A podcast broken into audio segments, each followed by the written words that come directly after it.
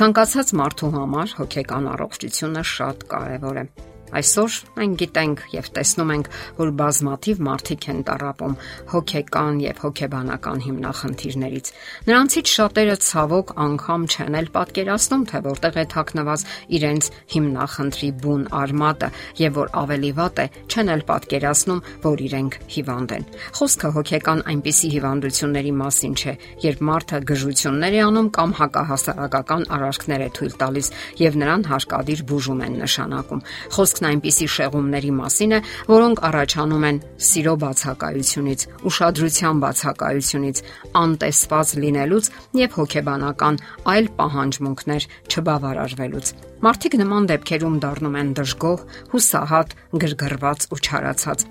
Իսկ երբ մարդը չսիրված է եւ անտեսված, նա կարող է նույնիսկ հակահասարակական արարքներ թույլ տալ։ Ինչպես ցանկացած հիվանդություն, այդ ամենը եւս ունի իր բացատրությունը։ Փորձենք թափանցել այդ հիվանդության պատճառների ու արմատների մեջ։ Եվ այսպես, հոգեվեր լուծաբան Դոնալդ Վինեկոտը գրում է. Մոր դեմքը կարելի է անվանել հայելու նախակերպար։ Այդ դեմքի մեջ երեխան տեսնում է իրեն սիրված ու ցանկալի։ Այդպիսի վաղ տպավորությունները նրա ապագա բարեկեցության ու հաջողության հիմքն են։ Երբ երեխան մոր աչքերում տեսնում է սիրո եւ հպարտության լույսն ու կայծը, Նա իր ներսում զգում է, որ հարկավոր է, որ իր տեղում է, անվտանգության մեջ է եւ կարող է թուլանալ։ Նրա պահանջմունքները կարող են բավարարվել։ Բազմաթիվ նյարդակենսաբանական ուսումնասիրություններ, այդ թվում նաեւ նրանք, որոնք կատարել է Ալան Շորը, հաստատում են, որ մայրական աչքերում դրսևորվող սերը չափազանց կարևոր է երեխայի բարեկեցության համար։ Այն օգնում է, որ երեխան ճիշտ կարգավորի իր կապերն ու հարաբերությունները մարդկանց հետ Անցնում է ժամանակ, երեխան մեծանում է։ Իրերի իդեալական վիճակում երեխան ավելի ու ավելի շատ է գովասանքներ լսում մորից։ Մայրը բարենապաստ գույներով է մարդկանց մոտ ներկայացնում նրան, խոսում է նրա մասին, ուղղորդում է նրան եւ համբերություն ցուցաբերում։ Երեխան տառացիորեն ներծծում է իրեն ուղված մայրական ուղերձները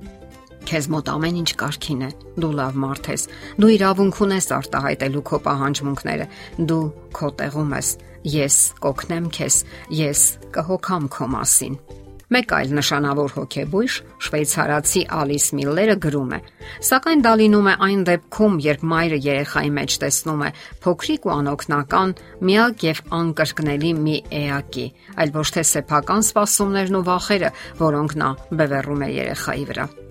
Բազմաթիվ պատճառներ կան, որոնք խանգարում են կնոջը լինելու բավականաչափ լավ մայր, եւ դրանք միշտ չէ որ ակնհայտ են։ Բրիտանացի հոգեբույժ Մաքսին Հարլին նշում է այն պատճառները, որոնք խանգարում են մայրերին, որpիսի դրսևորեն իրենց եւ լինեն լավագույն մայրերի թվում։ Հնարավոր է նա ինչ որ բանով զբաղված է կամ հրապուրված եւ չի կարող բավարարել անվտանգության ու սիրո զգացմունքների մեր պահանջմունքները։ Հնարավոր է որ նա տարապում է ինքնասիրահարվածությամբ եւ հենց ինքը ուշադրության մեծ փափագ ունի։ Հնարավոր է, որ նրա ամուսնությունը անհաջող է կամ դժբախտ եւ մշտապես վիճաբանությունների մեջ է ամուսնու հետ։ Հնարավոր են նաև այն դեպքերը, երբ նա հոգեբանական հիմնախնդիրներ ունի, տարապում է ալկոհոլամոլությամբ կամ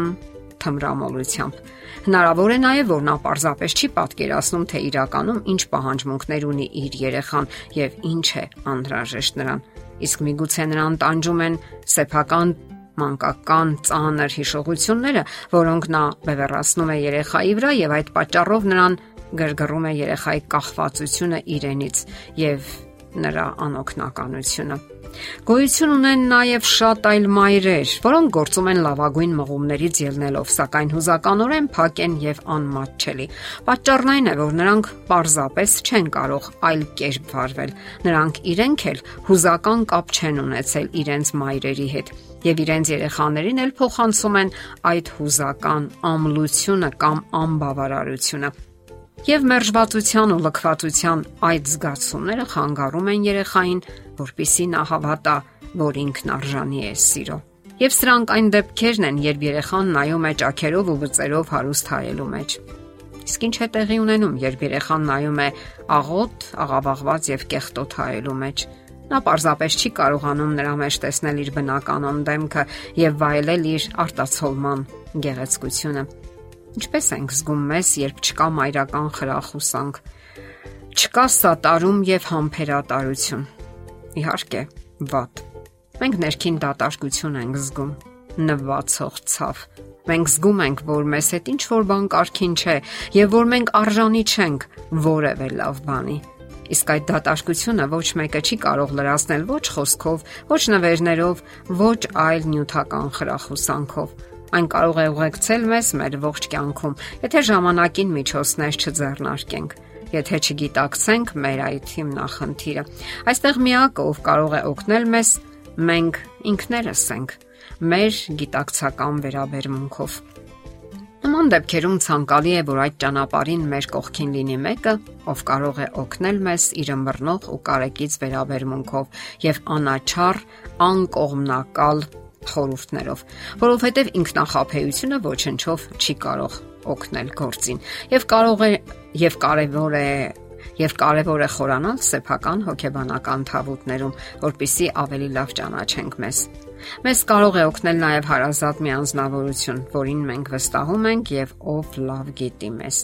Իսկ թե ինչպես այդ մասին կխոսենք մեր հաջորդ հաղորդման ժամանակ։ Եղեք գրագետ եւ վայելեք ձեր առողջությունը։ Եթերում է առողջ ապրելակերպ հաղորդաշարը։ Հարցերի եւ առաջարկությունների համար զանգահարել 033 87 87 87 հեռախոսահամարով։